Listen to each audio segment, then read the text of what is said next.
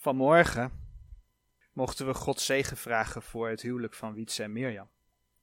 Maar uh, we gaan nog even bij het huwelijk stilstaan. Het thema huwelijk, dus namelijk de bruiloft van het lam. Dat is ook een huwelijk. En ja, Wietse en Mirjam, dan ga ik jullie trouwfeest een beetje als voorbeeld gebruiken. En als ik even mag terugkomen op het feest van jullie trouwdag, dan hebben jullie een geweldige dag gehad. Het officiële deel, maar ook de receptie, het samen eten. Nou, voor ons was het geweldig om erbij te mogen zijn, maar ik heb van jullie ook gehoord dat jullie het, dat jullie het geweldig hebben gevonden.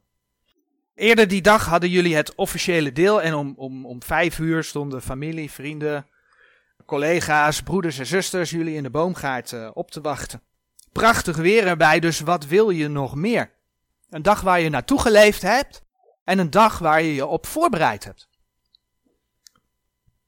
En dan zien we dat de Heer in zijn, in zijn woord ook laat zien dat er een feest gaat komen. Hij gaat feest geven. Een feest dat in, in Gods woord ook de bruiloft des lams, de bruiloft van het lam genoemd wordt. Ja, en om dan even de context te schetsen van, ja, wat houdt die bruiloft des lams dan in? Gaan we in sneltreinvaart door de geschiedenis heen. In Gods woord is namelijk de geschiedenis uitgelegd van, van het begin, van schepping, tot aan de nieuwe hemel en de nieuwe aarde. God heeft alles gemaakt in het begin. Hij heeft alles geschapen. En de Heer zegt in zijn woord dat hij dat goed gedaan heeft. Hij heeft het goed gedaan. Hij heeft het goed gemaakt. Het was goed. Maar de mens, de mens die koos ervoor om niet naar God te luisteren, maar naar de vijand van God, naar de duivel. En ja, dat gebeurt al in het Bijbelboek Genesis, lezen we daarover en dan spreken we over de zondeval. De mens is in zonde gevallen. En door de zonde sterft die mens en van nature is die mens dan ook zonder God. Dat laat de Bijbel eigenlijk op meerdere plekken zien. De mens van nature, die is zonder God en is op weg naar die plaats die de Heer voor die duivel bereid heeft. Dat is de hel. Maar dan zien we door de geschiedenis heen, door de geschiedenis heen, hoe de Heer ja, zijn plan uitwerkt door verschillende perioden heen om mensen te redden. Mensen te redden. God heeft verschillende mannen geroepen. God riep Noach, God riep Abraham. Hij zette de lijn van het zaad dat komen ging, zette hij uit. Het zaad dat komen ging, Jezus Christus. Want bij de schepping beloofde hij al dat hij een oplossing zou gaan geven. Door het zaad. En dat zaad is Jezus Christus. Door Abraham, Isaac en Jacob. Jacob die later Israël genoemd werd. Zo zette de Heer die lijn uit. De Heer gaf Israël de wet. En dan zitten we al op de geschiedenislijn in, in, in deze, in, in dit gebied. Gaf Israël de wet wat een groot deel van het Oude Testament besla, beslaat. Maar toen kwam de Messias, Jezus Christus. Jezus Christus werd geboren. Jezus Christus die stierf voor de zonde van de mensen, voor onze zonde. Jezus Christus die opstond uit de dood. En omdat de Joden in eerste instantie de Messias verwierpen, ging het heil naar de heidenen. En dan komen we dus het kruis voorbij, de hemelvaart, Pinksteren voorbij, komen we in de gemeentetijd. Is de tijd waar wij nu in leven. De tijd naar het kruis. We zien dat de Heer Jezus zich een gemeente verzamelt, dat legt hij uit in zijn woord. Een gemeente verzameld uit mensen, mensen die hem kennen, uit Joden die wederom geboren worden omdat ze de Heer Jezus aannemen, uit heidenen die de Heer Jezus kennen, omdat ze hem als persoonlijke verlosser aannemen. En die tijd van de gemeente, die duurt tot op het moment ja, dat die tijd vol is en dat de Heer zijn gemeente komt halen. Is de opname van de gemeente. En als we om ons heen kijken, dan weten we, dat duurt niet zo lang meer. Maar ja, wat is niet zo lang hè? Ondertussen moeten we vol vertrouwen op onze Heer gewoon verder leven. In gehoorzaamheid aan zijn woord. Maar die gemeente gaat opgenomen worden. En zal dan, nadat zij geoordeeld is voor de rechterstoel van Christus. Nee, niet het laatste, uh, het laatste oordeel van de grote witte troon. De gemeente komt voor de rechterstoel van Christus. Kom ik straks nog heel even op terug. En dan zal zij huwen. Huwen met de Heer. Dat is wat de Bijbel laat zien. Nou, in de tijd dat de gemeente weg is, gaat over deze aarde de grote verdrukking komen. Althans, de 70ste jaarweek, waar een deel van de grote verdrukking is. Gods toren gaat over de aarde komen. Dat mensen hem verworpen hebben. En ze willen hem niet. Ja, God heeft nog steeds geduld. Dat zegt hij ook in zijn woord. Hij heeft nog niet ingegrepen. Omdat hij geduld heeft. Hij wil dat mensen hem leren kennen. Hij wil zijn liefde met hen delen. Maar aan het eind van die periode, slechts zeven jaar, zal de Heer terugkomen. En dan komt hij terug met de zijnen. Komt er op aarde een periode van duizend jaar, duizendjarig vrederijk. De duivel zal dan gebonden zijn. Aan het eind daarvan wordt die duivel nog een korte tijd losgelaten. De Heer rekent dan definitief af met zijn vijanden. Het laatste oordeel vindt dan ook plaats voor de grote witte troon. En dan komt die nieuwe hemel en die nieuwe aarde. Dat is beknopt, in een notendop zeg maar. Gewoon Gods plan. En het staat allemaal in Gods woord. Maar die gemeente, die gemeente gaat dus opgenomen worden. Bekend Bijbelgedeelte daarover is 1 Thessalonicense 4, vers 13 tot en met 18. Dan zeggen mensen vaak, oh, de opname staat helemaal niet in de Bijbel. Nou, in 1 Thessalonicense 4, vers 13 tot en met 18 lees je dat we opgenomen worden. Zelfstandig woord, naamwoord daarvan is opname. Maar voordat de Heer Jezus terugkomt, en die terugkomst lees je in Openbaring 19 en dat gaan we opzoeken. Openbaring, laatste Bijbelboek. Voordat de Heer naar de aarde terugkomt, wat beschreven wordt in de versen 11 tot en met 16, vindt er in de hemel, als de gemeente opgenomen is, de bruiloft des lams plaats. En die versen gaan we lezen. Openbaring 19 vanaf vers 4.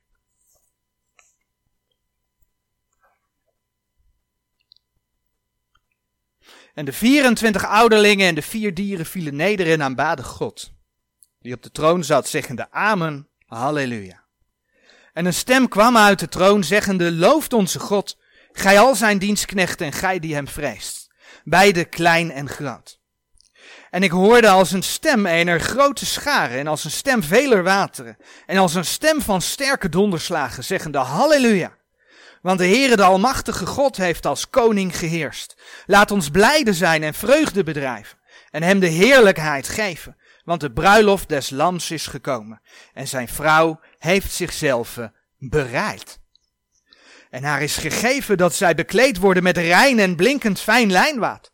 Want dit fijn lijnwaad zijn de rechtvaardigmakingen der heiligen.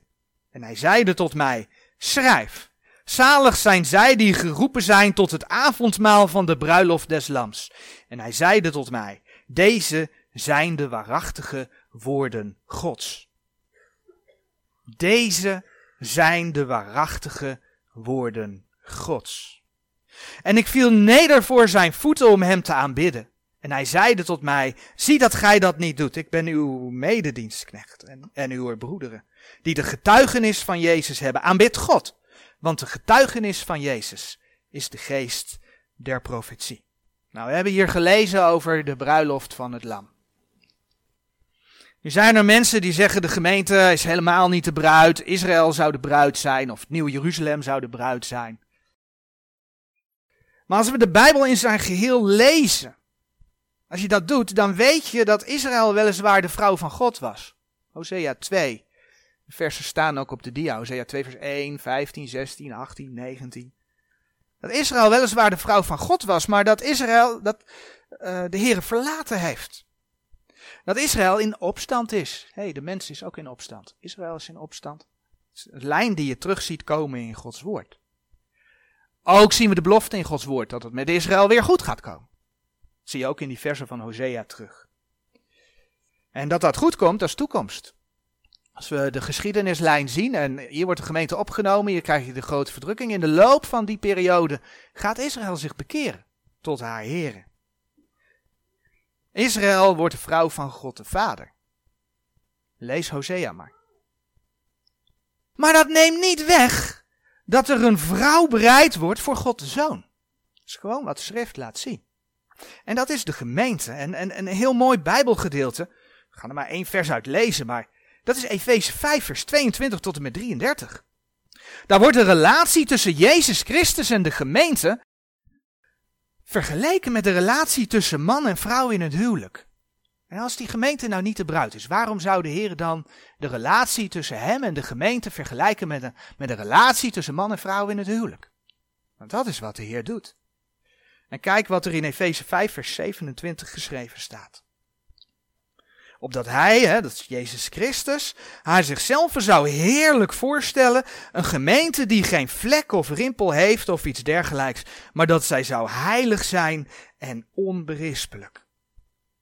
Opdat hij haar zichzelf zou heerlijk voorstellen. Dat is dus wat er in de hemel na de opname van de gemeente gaat gebeuren. De gemeente die de Heer Jezus in de lucht is tegemoet gegaan, wordt aan haar hoofd voorgesteld. Om daar vervolgens dus niet alleen geestelijk, hè, door de wedergeboorte is dat op aarde al een feit. Als je de Heer Jezus kent, ben je met hem één geestelijk gezien. Maar dat wordt dus ook, ja, letterlijk. Er vindt een bruiloft plaats in de hemel. En dan lees je in openbaring 19 vers 11 dat na die bruiloft de hemel geopend wordt. De hemel wordt geopend en dan komt de Heer met de zijnen terug naar de aarde. Dat is na de bruiloft. En dan komt op aarde dat duizendjarig vrederijk, wat ik net al even noemde. En de Heere zal dan met de zijnen heersen als koning het duizend jaar lang. Die bruiloft van het lam, die vindt dus in de hemel plaats. Maar dan komt hij, dat betekent dus niet dat het feest van de bruiloft ook al in de hemel plaatsvindt. Dat feest wordt op een andere plaats gevierd namelijk op aarde. En daarvoor gaan we naar de evangelie en we beginnen bij Matthäus 25. We beginnen bij Matthäus 25 waar het gaat over de gelijkenis uh, van de vijf wijzen en de vijf dwaze maagden. Ik denk voor de meesten onder ons wel bekend. Dat is een gelijkenis die meestal in de verkondiging toegepast wordt op de gemeente. De gemeente van Jezus Christus. Waardoor mensen bang worden. Ben ik er wel bij als de Heere komt? Kan ik dat wel zeker weten? Is mijn kruikje olie wel vol genoeg? En hoe vol moet mijn kruikje dan zijn? Want ja, de Heere, die, er staat toch in, in Matthäus 25 vers 10 geschreven. Die dwaze maagden hadden geen olie genoeg in hun kruikjes. Als zij nu heen gingen om te kopen, kwam de bruidegom en die gereed waren, gingen met hem in tot de bruiloft. En de deur werd gesloten. Die deur ging dicht. En moet je kijken wat dan tegen die dwaze maagden gezegd worden, wordt in, uh, in het volgende vers. Daarna kwamen ook de andere maagden zeggende, Heere, Heere, doe ons open. En hij antwoordende zeide, voorwaar zeg ik u, ik ken u niet. Dat was vers 12. Ik ken u niet. Dat lijkt toch duidelijke taal. Maar weet je, dit, dit, deze gelijkenis gaat niet over de gemeente. Je kunt er misschien een geestelijke les uittrekken. Maar die gaat niet over de gemeente. We hebben nog niet zo lang geleden stilgestaan bij het verschil. En ja, voor de mensen die, die nieuw zijn, die dat um, misschien voor het eerst horen, is dat heel kort. Maar ik kan dat nu niet helemaal gaan uitleggen. Maar we hebben stilgestaan bij het verschil tussen het koninkrijk der hemelen en het koninkrijk gods. Ik ga gewoon heel kort vertellen waar het op neerkomt en met die conclusie ga ik verder. Het koninkrijk God zie je in de Bijbel toegepast worden onder andere op de gemeente. Het koninkrijk der hemelen niet. Het koninkrijk der hemelen is het letterlijke koninkrijk dat op aarde gaat komen. Dat is dat duizendjarige vrederijk van de Heer Jezus. Dus zodra je in de, in de, in de, in de evangelie leest over het koninkrijk der hemelen, leest dat er daar wat gebeurt, dan gaat dat eigenlijk altijd over het eind van de grote verdrukking en het moment dat dat duizendjarige vrederijk gaat beginnen. Dat Jezus Christus terugkomt. Dat is de conclusie, daar gaan we dan mee verder. Als het dus over dat duizendjarig vrederijk gaat en, en het eind van de grote verdrukking, dan heb je het dus over deze periode. Maar dan is de gemeente is dus al lang bij haar heren. Is al lang in de hemel. Dus op het moment dat er dan op aarde dingen gebeuren, zoals we in die gelijkenissen lezen, kan het niet over de gemeente gaan. Nou, als we dan naar het Matthäus-evangelie kijken, dan zien we ook dat in het Matthäus-evangelie met name het volk Israël nog aangesproken wordt, het Joodse volk. En dat is dus wat we zien in die gelijkenis, die wijst eigenlijk vooruit naar de periode van de 70ste jaarweek van de grote verdrukking. Het einde daarvan. Het moment dat de Heer gaat terugkomen, de start van het duizendjarige vrederijk. Het gaat dus over Israël die tot bekering gaat komen. En dan is het mooie dat er in zo'n gelijkenis over, en dan ga je verschillen in Gods woord zien. Dat er in die gelijkenis over maagden, dat is meervoud gesproken wordt. Er zijn vijf wijze en vijf dwaze maagden. Dat is meervoud. Ga je een openbaring lezen over de, over de grote verdrukking, dan zie je opeens dat er 144.000 verzegelden zijn uit de twaalf stammen van Israël.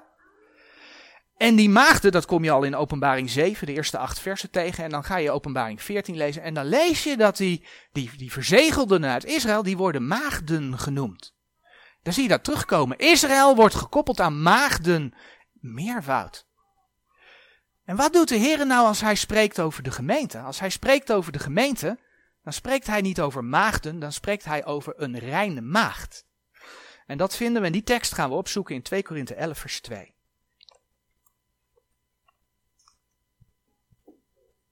2 Korinthe 11 vers 2. Want ik ben ijverig over u met een ijver gods, want ik heb u lieden toebereid om u als een reine maagd aan één man voor te stellen, namelijk aan Christus.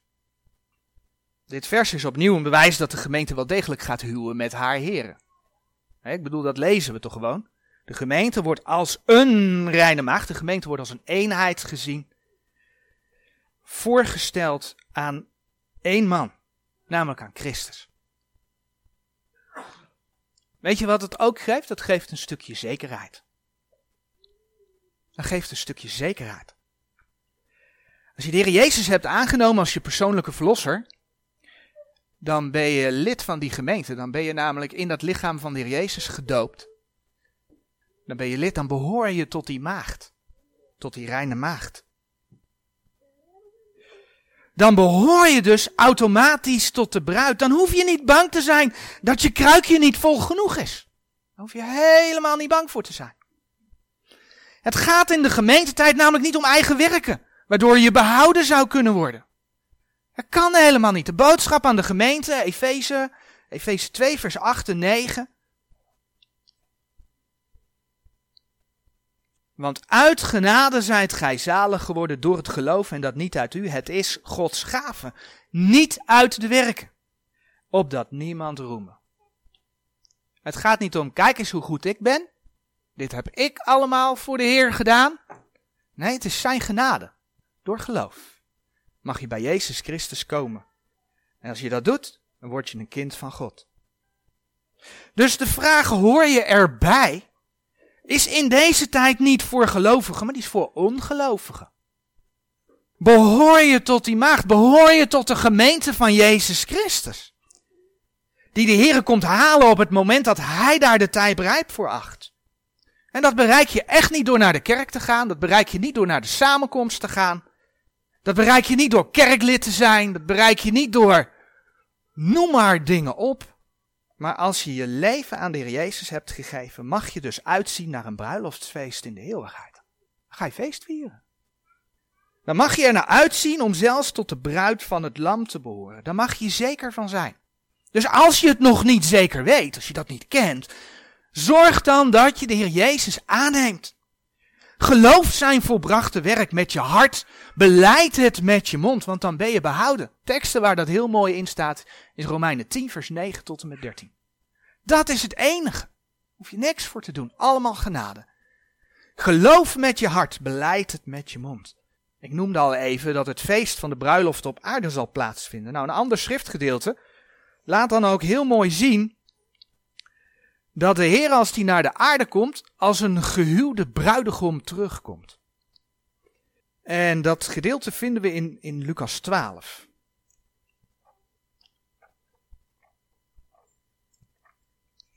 Hij komt als een gehuwde bruidegom terug en dat bewijst dus dat die maagden die op die bruidegom wachten, hè, zoals in Matthäus 25, inderdaad niet de bruid zijn. Matthäus 12, vers 36 en het eerste deel van 37.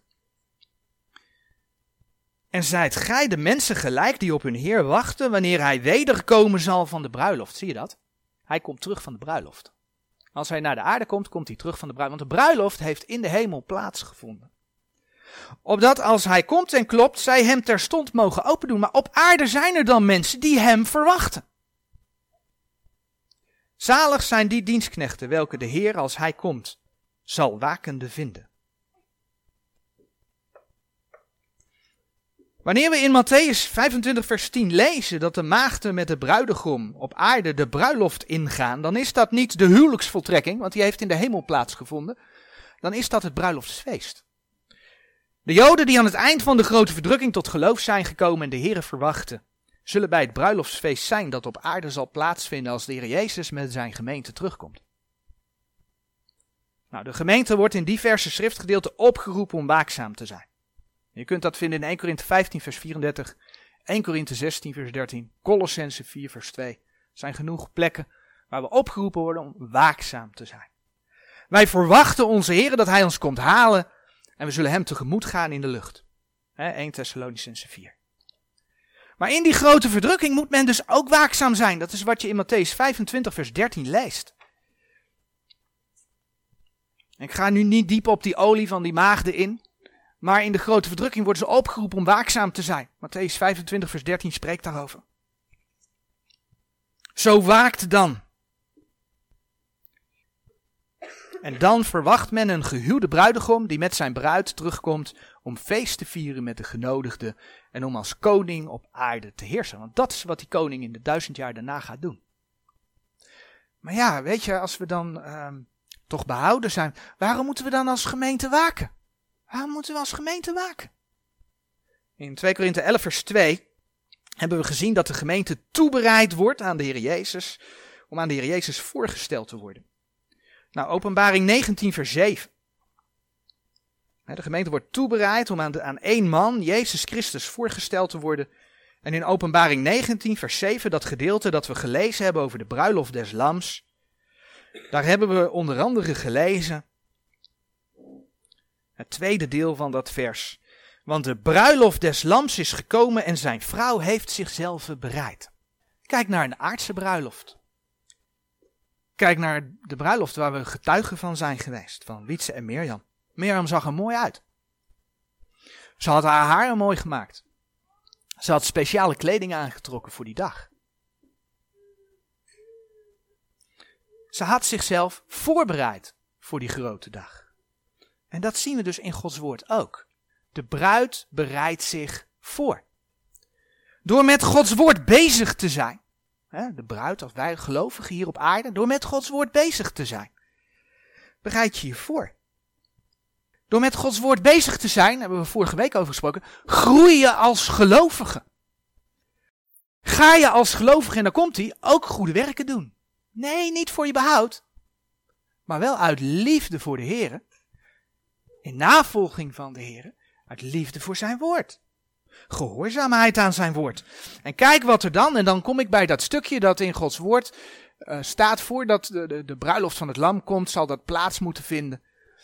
Uh, dat is uh, de, de, het oordeel van de rechterstoel van Christus. En dat vind je in 1 Korinthe 3. 1 Korinthe 3, vers 13 tot en met 15. En dat gaat over de gelovigen. Over de werken van de gelovigen die beoordeeld gaan worden. Want bij die rechterstoel van Christus, dan gaat het volgende gebeuren.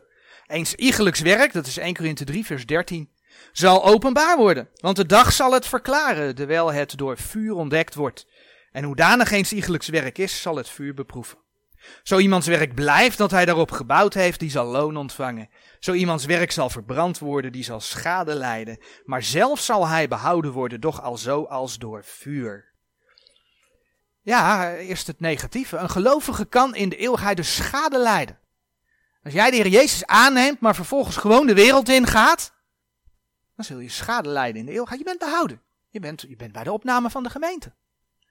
Maar alles wat niet voor hem kan bestaan, dat zal door het vuur verbranden voor de rechterstoel van Christus. Maar heb jij de Heer geprobeerd te volgen in deze moeilijke wereld? Want het is duisternis om ons heen, is niet altijd makkelijk. Maar heb jij geprobeerd de Heer te volgen, daardoor ook gebouwd op het fundament? Dan zul je loon ontvangen, dat hebben we net gelezen. Word je beloond in de eeuwigheid.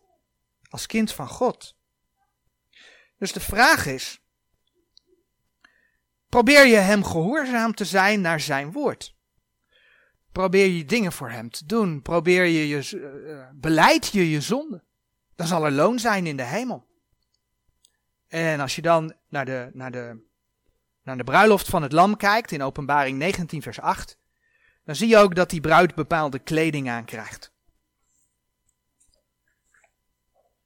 Dan is er opeens sprake van, en is gegeven dat zij bekleed worden met rein en blinkend fijn lijnwaad. En wat is dat? Want dit fijn lijnwaad zijn de rechtvaardigmakingen der heiligen. Daar heb je ze. Niet om behouden te worden, maar wel om de Heer te volgen. Het is de mooie kleding van de bruid. Het is dus niet een kwestie van ga je als kind van God mee met de opname of blijf je achter, maar ben je bereid om de Heer te ontmoeten. Daar gaat het om. Kun jij voor de Heer verschijnen? Stel hij komt volgende week terug. Heb je je zonde beleden? Heb je je zonde beleden? Heb je voor hem iets gedaan? Ben je voorbereid om voor hem te verschijnen? We zagen dus dat de Heer met zijn bruid terugkomt. Om op aarde onder andere feest te vieren. Nou, als we naar een aardse bruiloft kijken, dan zien we daar verschillende mensen, verschillende groepen mensen op afkomen. We zagen bij het feest van Wietse en Mirjam, we zagen familie van Wietse. We zagen familie van Mirjam. We zagen vrienden. We zagen collega's. We zagen broeders en zusters. Misschien dat ik nog een groep vergeten ben, dat weet ik even niet. Maar we zagen verschillende groepen mensen. Allemaal samen feest vieren. Vanwege het feit dat de bruidegom en de bruid elkaar het jawoord hebben gegeven. Samen feest vieren. En dan komt hij, maar ondanks al die mensen die erbij waren, was er maar eentje de bruid. Ja toch? Was maar eentje de bruid, dat was Mirjam. Bruid behoort toe aan de bruidegom. Mirjam behoort toe aan Wietse. De gemeente behoort toe aan Jezus Christus. Is er maar eentje de bruid. Nou, we zullen zo zien dat, net als bij een aardse bruiloft, daar bij die bruiloft des lams, bij het feest, dat daar ook meerdere groepen aanwezig zullen zijn. Er zullen meerdere, meerdere groepen deelnemen aan dat feest dat de Heer gaat geven. Maar zoals gezegd, er is maar één bruid. Is dat niet bijzonder dat we juist in deze tijd, wij die nu leven, dat je mag weten dat je mag behoren tot die bruid? Dat is bijzonder. Dat wij die positie mogen bekleden om de bruid van het lam ja, te worden. Ik bedoel, we worden nu voorbereid als een reine maagd, staat er dan in Gods woord. Nou, we zagen al dat bijvoorbeeld de Joodse maagden, de Joodse gelovigen, uit de grote verdrukking bij het bruiloftsfeest aanwezig zullen zijn. En ik heb dat in het schema als volgt weergegeven. Hier is de gemeente, die gaat opgenomen worden. En dit zijn dan, uh, deze figuur staat voor meerdere mensen. Uh, de Joodse maagden in de grote verdrukking die de Heer gaan aannemen. Er zullen dus nog meerdere groepen mensen zijn. En dat is mooi om daar even bij stil te staan. De Bijbel spreekt ook over de koninklijke bruiloft. En dat vinden we in Matthäus 22. En bij die koninklijke bruiloft is sprake van gasten.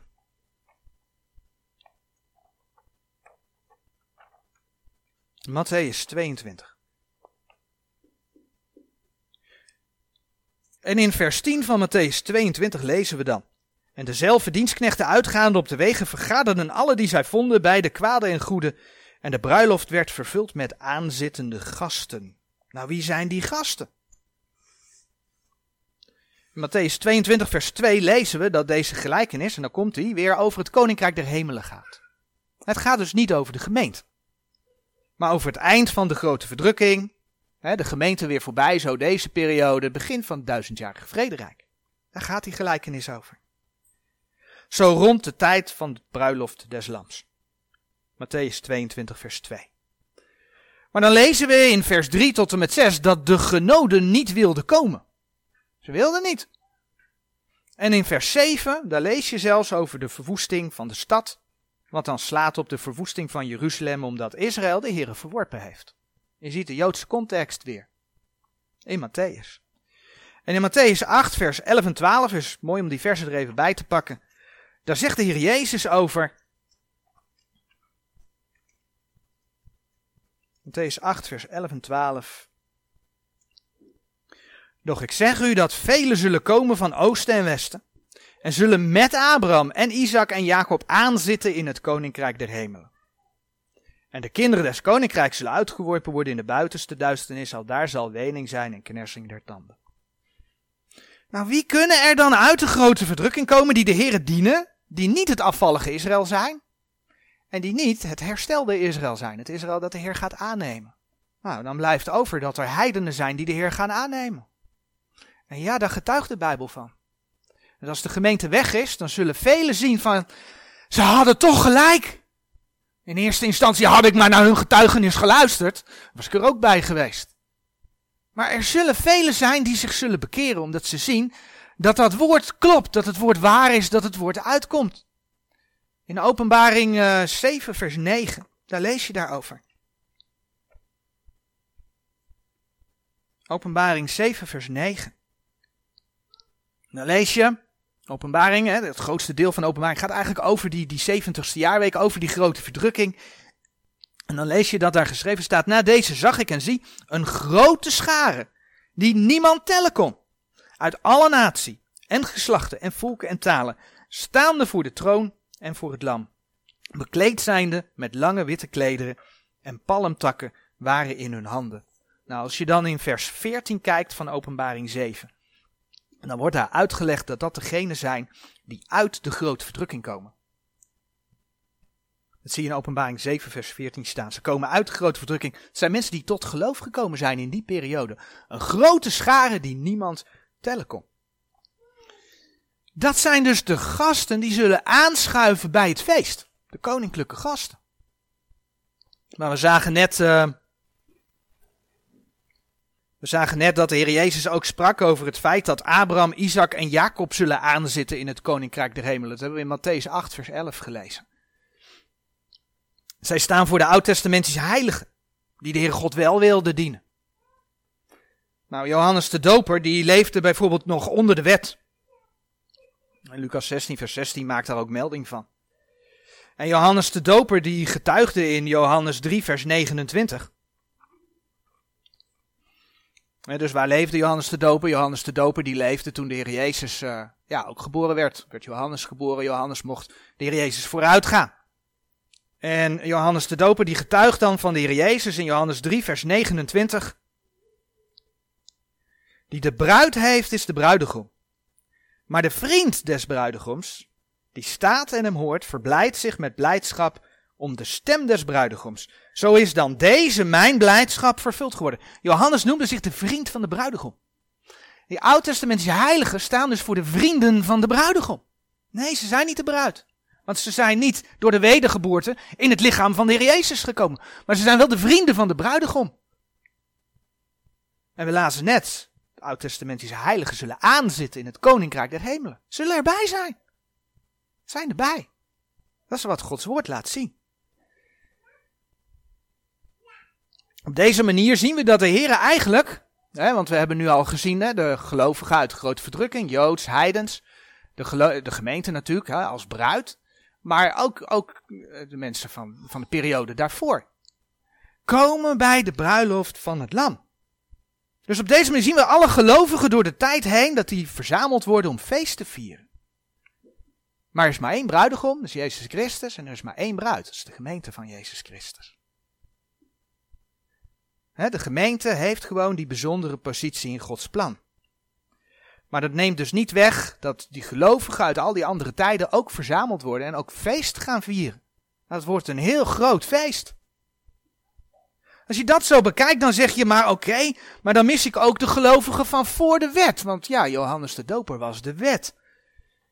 En uh, de Heer Jezus, in Matthäus 8, vers 11 noemde toch Abraham en Isaac. Die leefden voor de wet. Jacob zelf trouwens ook. Nou, alleen dat vers toont al aan dat ze erbij zullen zijn. Maar dragen zij dan misschien ook een bepaalde naam als, als maagden, gasten, vrienden? Nou, tijdens de wet in het Oude Testament, hè, daar lezen we dat, uh, dat ook heidenen waren die de God van Israël gingen dienen, die tot geloof kwamen. Denk aan de mensen die tot geloof kwamen door de prediking van Jona. Waren heidenen die tot geloof kwamen. Als zij erbij zijn, en dat zal zeker zo zijn, dragen zij dan ook een bepaalde groepsnaam. Nou, dan komen we bij Psalm 45, en dat is een, een profetisch bruiloftslied.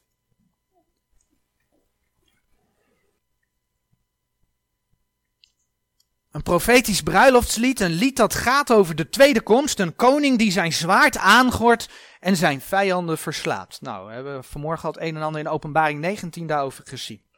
Psalm 45 vers 2 tot en met 6 schrijft daarover. En in Psalm 45 vers 7 en 8 zie je dan dat God de Vader tegen God de Zoon spreekt.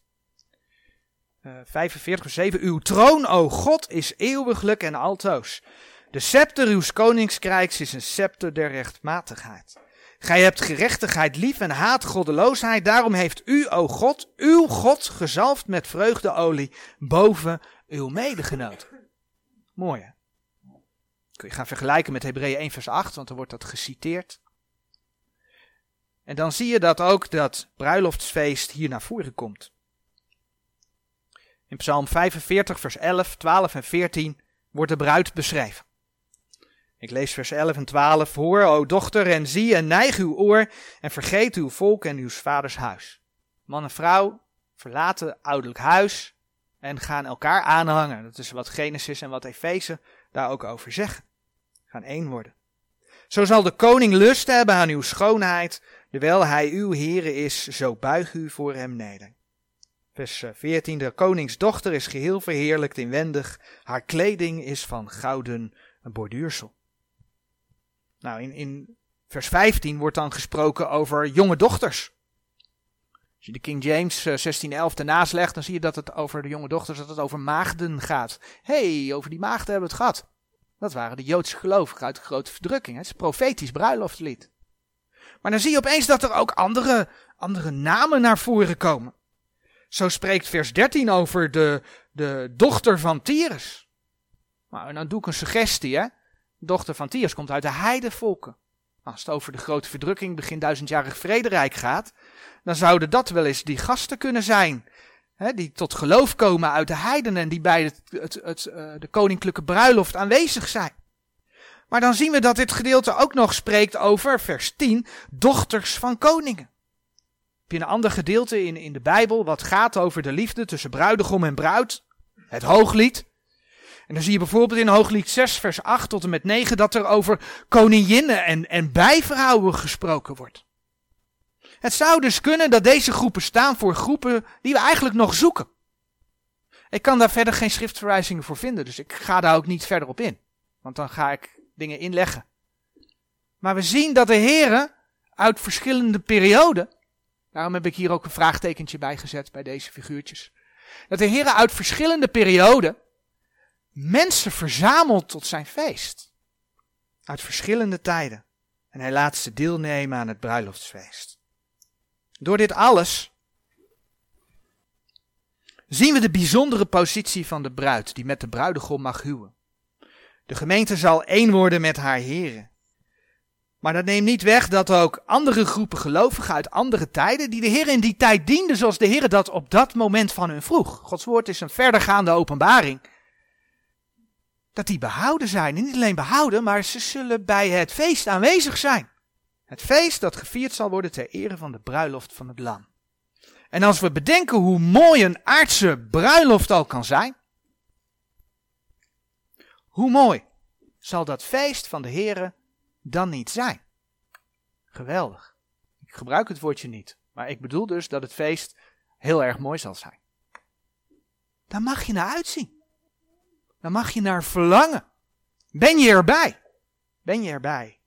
En ja, in deze tijd betekent dat dat alleen mogelijk is als de bruid. Dus alleen door het volbrachte werk van de Heer Jezus aan te nemen, word je deel van de gemeente, kom je daar. En als je bij dat bruiloftsfeest zal zijn, omdat je weet dat je een kind van God bent, als je daarbij zult zijn, ben je dan bereid, ben je dan voorbereid om jouw bruidegom te gaan ontmoeten? Beleid je je zonde? Werk je voor Hem. Bereid je als een bruid voor, voor de ontmoeting met jouw bruidegom. Wat een geweldig feest staat ons te wachten. Amen.